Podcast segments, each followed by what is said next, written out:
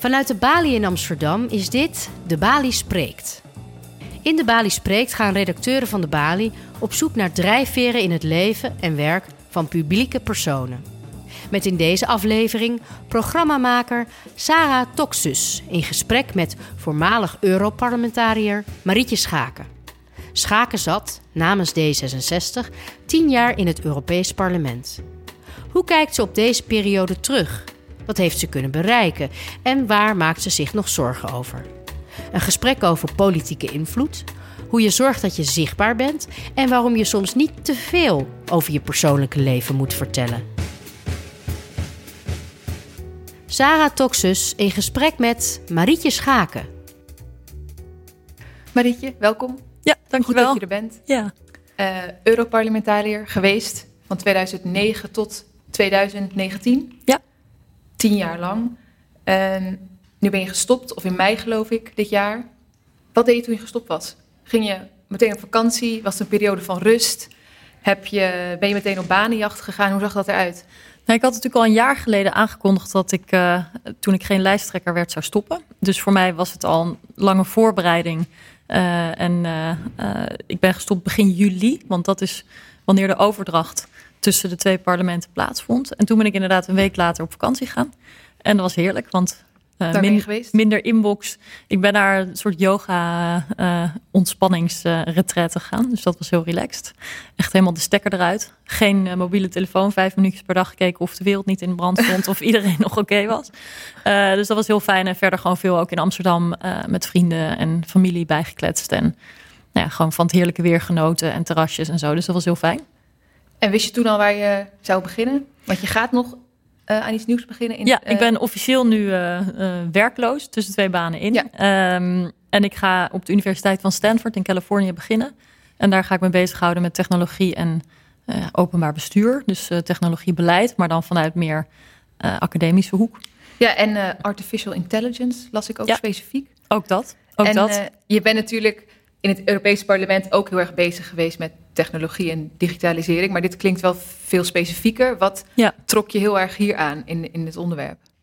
Nou, ik denk echt dat de technologische revolutie, behalve veel kansen, ook veel nieuwe dreigingen en uitdagingen op het gebied van liberale democratie, fundamentele vrijheden, mensenrechten oplevert. Uh, en ik wil daar graag echt op inzoomen. Wat je in een parlement uh, doet en wat ik met ongelooflijk veel plezier heb gedaan, maar is je met heel veel thema's bezighouden van gewoon de algemene Europese politiek tot buitenlands beleid van de EU waar ik mee bezig was. Van Iran tot de Verenigde Staten. Ik deed internationale handel. Ik deed technologiebeleid. Dus uh, je kijkt naar een heleboel ontwikkelingen. Uh, je agenda wordt heel erg gestuurd door de actualiteit. En wat mij nou zo leuk leek en ook heel erg leuk lijkt, waar ik heel erg naar uitkijk als ik naar Stanford ga, is om me meer te verdiepen. Uh, maar om wel vanuit ja, een onafhankelijke uh, denkwijze met deze vragen bezig te gaan. Dus dat je niet voor een bedrijf werkt of niet een fractie, niet gebonden aan. Uh... Nou ja, goed, een fractie dat is natuurlijk heel erg na uh, aan je hart en aan je partij waar je in gelooft. Maar het, het gewoon echt verdiepen zonder een bepaalde agenda in eerste instantie, maar echt om te begrijpen hoe werkt de technologie en wat voor impact heeft het op onze, op onze vrijheden. Met een open blik van ik weet nog niet wat ik ga tegenkomen. Zeker op het gebied van kunstmatige intelligentie is er gewoon een heleboel nog niet duidelijk. Uh, maar is wel duidelijk dat het heel veel impact kan hebben. Nou, ik, ik, kijk er naar uit om echt met de slimste mensen op dit gebied, want die werken onder andere in Stanford en met de mensen die de bedrijven in Silicon Valley runnen, om daar zo dichtbij te zitten dat ik daar ook weer nieuwe dingen van kan leren en daar nieuwe ja, ideeën over wat het betekent voor uh, de rechtsstaat, de democratie, mensenrechten, wat, het, ja, wat we daarmee moeten. En um, ik vond het goed om dus mijn aandachtsgebied te versmallen. Hoewel dit denk ik nog steeds voldoende uh, verschillende aspecten en um, ja, verschillende onderdelen van die technologische revolutie. En technologische laag eigenlijk aan alle aspecten van ons leven inmiddels kan uh, belichten. Ik las dat je het Europees Parlement bent ingegaan omdat je je zorgen maakte over de opkomst van rechtsnationalisme. Waar maak je nu zorgen over? Is er iets in veranderd in die zorgen in die tien jaar? Maar helaas is de zorg over rechtsnationalisme nog steeds erg actueel. Maar wat ik vind dat meer aandacht verdient, is eigenlijk onze plek in de wereld. Uh, opkomst van China als echt grote geopolitieke, strategisch opererende grootmacht. We kijken daar te weinig naar, maar ook naar landen als India en hoe de democratie internationaal gezien onder druk staat. En wat we kunnen doen om dat uh, te verstevigen. En met democratie bedoel ik niet alleen maar uh, vrije verkiezingen, maar ook het hele spectrum van rechtsstatelijkheid, mensenrechten, fundamentele vrijheden. Um, ik, ik denk echt dat het onder veel grotere druk staat dan uh, wij ons hier in vrij en welvarend Nederland kunnen voorstellen. En ik, ja, ik vind dat wereldwijde perspectief niet alleen heel urgent, maar ook belangrijk omdat dat uh, veel meer de noodzaak van Europese samenwerking laat zien. En als je alleen maar, nou, in het Nederlandse debat hebben we nog steeds wel eens over wie is een grotere netto-betaler, hè, Duitsland of Nederland, en wat erg, wat erger, wat krijgen we er allemaal voor? Terwijl als je naar de Europese Unie kijkt, dan zie je eigenlijk allemaal kleine landen. Zelfs de grote landen zijn klein op wereldschaal. En uh, er zijn gewoon heel veel krachten nu aan het losgaan op het uit elkaar spelen van de Europese Unie. En uh, ik denk dat dat de kwaliteit van leven van mensen van Amsterdam tot, uh, nou ja, tot Athene niet te goed komt. Oké, ja, dus we moeten vertrouwen in de Unie dat ze daar werk van gaan maken. Nee, niet vertrouwen, we moeten in actie komen en ja. ook zelf zien dat, uh, dat dit aan de hand is. En, als burger? Ja, maar ook als politici en nou, iedereen die die een keuze heeft om zich actief te, te mengen in het hele publieke debat, denk ik dat die perspectiefverschuiving heel erg gaande is. Maar dat je die niet per se waar, waarneemt als je de radio aanzet ochtends. Want we zijn toch nog heel erg transatlantisch gericht. Het is ook heel belangrijk voor ons, maar we kunnen echt alles volgen over wat Trump nu weer heeft getweet en heeft gezegd en heeft gedaan. Echt aanzienlijk minder aandacht voor Azië. Terwijl daar ook belangrijke bondgenoten als Japan en uh, andere landen uh, zitten en ook echt kijken naar Europa voor steun op een moment dat zij ook die druk opvoelen, voeren en denken. Ja, onze manier van leven en onze principes en ook daarmee onze welvaart en onze strategische positie en onze veiligheid en onze vrijheid staan onder druk. En uh, nou, meer focus. Ik ben ook blij dat Ursula von der Leyen, de nieuwe voorzitter van de Europese Commissie, echt zegt: dit wordt een geopolitieke commissie. Wat, wat mij betreft heeft ze daar 100% gelijk in. Ja, en, en als we even teruggaan naar juist al die, die bredere thema's die jij behandelde in het parlement van uh, internationale handelsverdragen. Uh, je richt die ook op de Arabische opstanden. Wat is nou iets waar je heel erg trots op bent, wat jij hebt bereikt in die tien jaar? Nou, best een heleboel. Ik was altijd heel erg blij als mensen zeiden dat ze zich vertegenwoordigd voelden. Uh, door mij als parlementariër. want daar gaat het uiteindelijk om. Dat mensen het idee hebben dat, dat hun stem bij jou in goede handen is. Um, maar qua ja, resultaten, als je het zo bedoelt. Uh, het handelsverdrag met Canada was heel spannend. Het was een ongelooflijk belangrijke stemming op een ongelooflijk belangrijk moment. Uh, want we zagen dat president Trump eigenlijk hè, het hele multilaterale systeem, het systeem van mhm. afspraken en regels, of het nou het nucleaire programma met Iran was, uh, waar afspraken over waren gemaakt om dat in te dammen, of het klimaatakkoord van Parijs, of handelsafspraken. Ineens was daar een Amerikaanse president die ja, 180 graden draaide met de Amerikaanse traditie, of het nou Republikeinen of Democraten waren. En um, dat had en heeft tot op dit moment enorme impact op uh, de verhouding in de wereld. En daarmee kwam eigenlijk een spotlight op Europa te staan. Nou, er is heel veel debat geweest over internationale handel en het belang van verdragen, ook in Nederland. Heel veel mensen waren er heel kritisch op. Maar ik ben er heel erg van overtuigd dat je handelstromen in een kader van regels aan hogere standaarden kan laten voldoen. Kijk, handel was er ook voordat er een EU was, voordat er ooit een handelsverdrag uh, was gesloten, hè, voordat er ooit een parlement over had gestemd. Um, maar wat die handelsverdragen doen, is daar een kader van regels en standaarden en uh, ja, ook eerlijkheid omheen maakt. En dat vind ik belangrijk. En dat was ook een heel belangrijk signaal aan de wereld op dat moment. Om te laten zien waar Amerika een stap achteruit doet, doet Europa een stap vooruit. En het was ook heel goed om dat met onze progressieve ja, geestverwanten in Canada te kunnen, te kunnen doen. En als we dan kijken echt naar jouw persoonlijke rol daarin, kun je een beetje een, een inkijkje geven wat jij. Hoe ging dat bijvoorbeeld? Heb jij zo'n strategie uitgestippeld of hoe was dat voor jou om dat zelf uh, voor elkaar te krijgen? Ik denk dat het goed is om te weten voor mensen die niet helemaal het Europees Parlement uh, van de afgelopen tien jaar in elk geval voor ogen hebben, dat de liberale fractie, waar D66 onderdeel van uitmaakt, een um, doorslaggevende rol speelt. Dus op het moment dat wij, laten we zeggen, met de conservatieve kant meestemmen, dan valt de meerderheid naar die kant. Op het moment dat de progressieve partijen een meerderheid hebben, uh, en de liberalen zich daarbij aansluiten, dan valt de meerderheid naar die kant. Dus wij waren wat je daar noemt de kingmakers. En dat betekent dat je een, een hele belangrijke rol hebt, ongeacht je formaat. Omdat je het aantal stemmen wat je meebrengt echt gewoon de meerderheid bepaalt. En in het Europees Parlement is er geen vaste coalitie en oppositie zoals in de Tweede Kamer. Dus dat betekent dat elke stem voor elk amendement, voor elk rapport, uh, voor elk verdrag, nou, apart moet worden opgebouwd eigenlijk. Hè? Uh, daarmee heb je dus ook continu met verschillende mensen te maken. En is het niet zo dat je voor vier jaar weet, nou, uh, ik zit in dit kampje, zeg maar, in deze coalitie of in het andere kamp. Ik vond dat ook heel dynamisch aspect aan het Europese parlement. Maar goed, dat even als, als context. Um, maar omdat dat zo was en omdat handel best een controversieel onderwerp werd, met name rondom uh, TTIP, hè, Transatlantic Trade and Investment Partnership, wat minder rondom Canada, maar dat viel qua tijd een beetje samen, was het heel belangrijk wat onze fractie zou doen. En dan zie je dus opeens dat je, want ik was wat, wat wij noemden coördinator, dus een soort aanvoerder zou je kunnen zeggen, van de leden van onze fractie die handel deden. Dus ik sprak ook met de coördinatoren van andere politieke fracties over de agenda. Uh, nou, onderhandelde ook direct zelf over dit Canada-verdrag, omdat ik daar verantwoordelijk voor was binnen onze grote liberale fractie.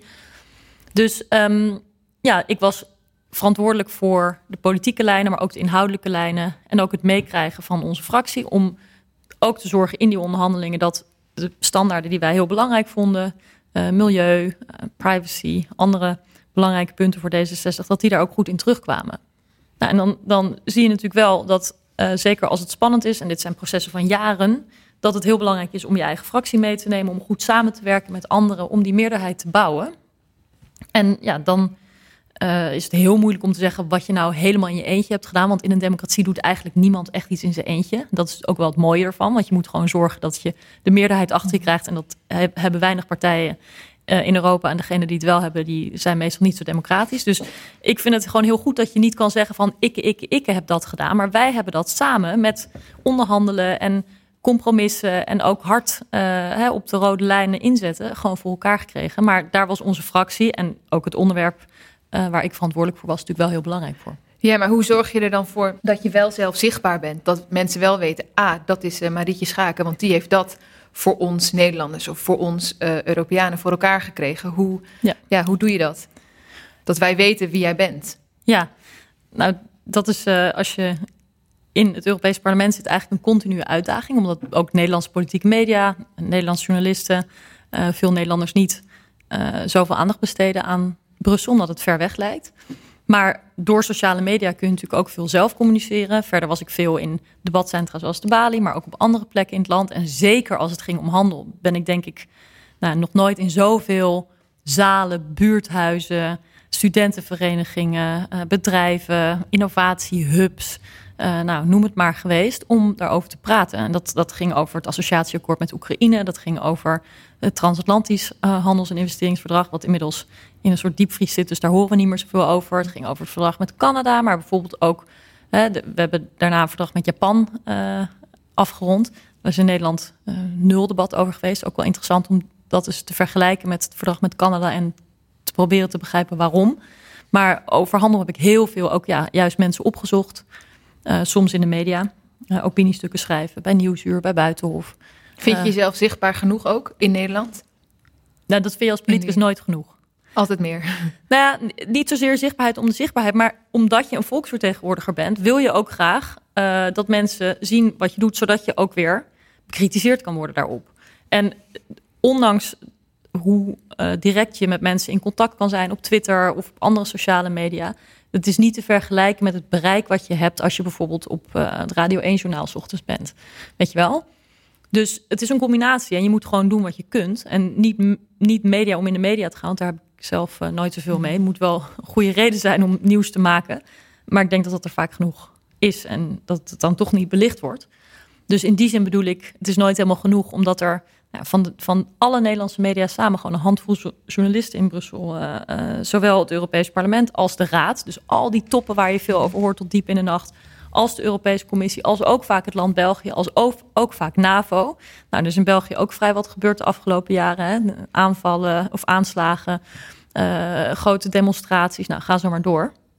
Dus die mensen werken heel hard en kunnen dus niet alles verslaan. Dus het is meer bedoeld ook als aanmoediging van iedereen die uh, uh, belangrijk vindt dat de macht ook gecontroleerd wordt, om ook naar het Europese niveau te kijken. En ik las in een interview in NRC met jou dat je, dat je zei van als ik terugkijk, of als ik dit van tevoren had geweten dat die tien jaar zo zouden lopen, dan was ik er niet aan begonnen. En dan denk ik, tien jaar, dat is super lang. Wat, wat heeft je dan die tien jaar wel daar gehouden? Ja, maar ik, ja, ik, ik snap ook wel dat, die, dat het in het interview zo zou kunnen overkomen. Maar ik bedoelde het eigenlijk een beetje anders. Ik bedoelde het dat mijn 29-jarige zelf, zeg maar, als ik had geweten wat voor druk, maar ook agressie. Het ging vooral ook over sociale media en zeg maar hoeveel haat uh, daar ook tegenwoordig bij komt kijken. En hoe dat veranderd is, hoe het publieke debat verhard is. Dat als ik op mijn 29e, toen ik de keus maakte om me kandidaat te stellen voor het Europees Parlement, dus dat is ruim tien jaar geleden als ik dat had geweten, had ik dat op dat moment denk ik niet gedurfd. Begrijp je wat ik bedoel? Uh, dus ik bedoel daar ook mee te zeggen dat je er soms ingroeit door de omstandigheden. En ik ben ook heel erg blij dat ik het wel heb mhm. gedaan. Dus ik heb helemaal geen spijt ervan. Ik heb ongelooflijk uh, uh, leerzame en nuttige en nou, inspirerende tien jaar achter de rug in dat Europees parlement. Maar ik wil dat graag agenderen, omdat ik denk dat er best veel jonge mensen zijn die misschien wel politieke ambities hebben, maar die gewoon zien wat voor uh, nou ja, termen er allemaal over en weer gaan. En um, ook hoe het bijvoorbeeld kan indringen in je privéleven soms.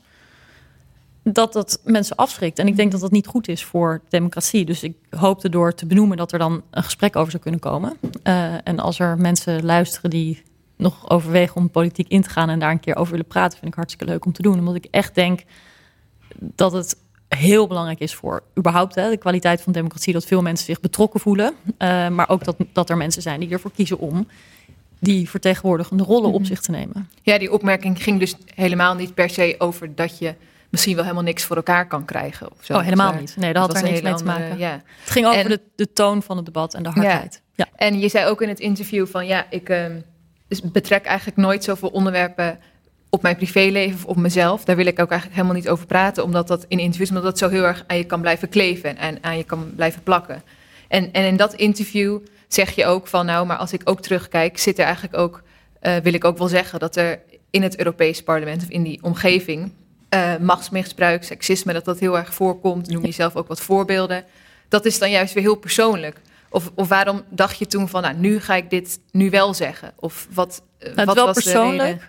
Het is wel persoonlijk. En ik heb ook lang getwijfeld of ik dat uh, zou benoemen. Omdat ik niet wilde dat het alleen maar daarover ging. En dat, heeft, dat is dus ook wel hoe het gaat. Hè? Zodra je zoiets benoemt, wordt dat een onderwerp waar dan de aandacht naartoe gaat. Ja, dan denkt iedereen, oh, me too in het parlement. Oh ja, Marietje, daar moet je zijn. Of ja, maar ook bijvoorbeeld in het interview met NRC zelf. Ik heb uiteindelijk iets van drie uur met de journalisten gesproken. En het interview gaat over seksisme, maar het gaat niet over nou ja, mijn werk op het gebied van digitalisering, internationale handel, buitenland, et cetera. Dus het is dan meteen uh, een groot aandachtspunt. Dat begrijp ik ook, want het is ook beladen en er zit veel emotie achter en heel veel mensen herkennen het. ik heb echt gewoon geen enkele jonge vrouw of vrouw gesproken die zei: Nou, grappig dat je het zegt, maar ik heb het nog nooit meegemaakt. Sterker nog, mensen echt nou ja, klampten me aan om te zeggen uh, dat ze het herkenden, dat ze blij waren dat ik had benoemd. Dus het is een onderwerp wat heel erg leeft. Maar het was voor mij wel een onderwerp wat echt in die werkcontext relevant was. En ik vind het iets anders om te zeggen: je privéleven, bij wijze van spreken, dat er uh, dat, je, dat er continu uh, mensen bij je thuis met je interviews doen. Of uh, dat je heel erg je persoonlijke leven. Nou, we hebben ook als politici gezien die dat dan delen in filmpjes of zo hè, voor een campagne. Dat bedoelde ik meer met mijn persoonlijke leven. En ja, ik weet ook niet of daar één fantastische formule voor is. Want mensen willen ook graag zien wat voor mens een politicus is. Maar ik vond het dus wel lastig. Um... Maar je hebt er wel bewust voor gekozen om het te vertellen nadat je was gestopt. Of niet toen je daar zat nog. Of was het nou, niet zo weet bewust? je wat het was? Nee, ik ging natuurlijk niet dat interview in met een plan van nu ga ik het eens zeggen. Maar het onderwerp van seksisme en gewoon de cultuur in het Europees Parlement en hoe het was om daar als 30-jarige vrouw uh, te starten. Dat kwam ter sprake tijdens het overzichtsinterview. En er zijn daarvoor, nou, is er één journalist die het wel een keer aan me heeft gevraagd. Maar het zijn dus niet het soort van thema's wat doorgaans in die schaarse media-aandacht die er is voor wat we doen in het Europees Parlement überhaupt ruimte krijgen. En tijdens het gesprek met um, Guus Valk van uh, eh, NRC en René Moerland was er ook bij, inmiddels hoofdredacteur van NRC. Worstelde ik daar dus ook mee. En zei ik ook, ja, ik wil dat eigenlijk niet on the record zeggen, want dan gaat het alleen nog maar daarover. En uh, het is ook een onderwerp waar je het eigenlijk liever niet over wil hebben. Het is, hè, potverdorie, dan hou ik het even netjes, 2019. Dus het, het is een onderwerp wat gewoon ook ongemakkelijk is, omdat het je doet denken aan dingen die je eigenlijk niet wil die er gebeuren. En omdat je veel liever als politicus wil zeggen wat de plannen van D66 zijn, wat er belangrijk is aan stemming over uh, handelsverdrag met Canada, over netneutraliteit, over cybersecurity, over hè, de opkomst van, van China als wereldmacht. Er zijn duizend dingen waar ik het veel liever over zou willen hebben. En, nou, en die worsteling, daar gingen we toen over verder. En het knaagde gewoon aan mij na het interview. Dus ik had het er eerst niet over willen hebben. Maar ik zat s'avonds gewoon te denken. Toen dacht ik, ja, ik vind het gewoon niet zo goed van mezelf om dit mhm. uit de weg te gaan. Dus ik ben er zelf op teruggekomen, omdat ik dacht, laat ik het toch maar benoemen. En dat, dat was gewoon een gedachte die ontstond tijdens dat interview. Dus het was niet dat ik ochtends wakker werd en dacht, ik heb straks een interview met NRC en weet je wat ik eens ga doen? Ik ga dat of dat vertellen. Nee. Nee, dat was gewoon spontaan.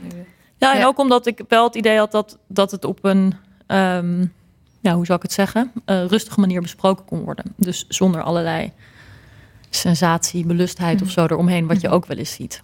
Wat ga je missen van die tien jaar? Ja, oh, best wel veel. Ik was gisteren, ik heb toevallig gisteren, nou, ik heb toevallig gisteren verhuisd. Dus uh, uh, al mijn spullen zijn nu onderweg van Brussel, die daar lagen, want ik woon in Amsterdam, maar goed, uh, naar de Verenigde Staten. En mijn appartement daar is leeg en schoon.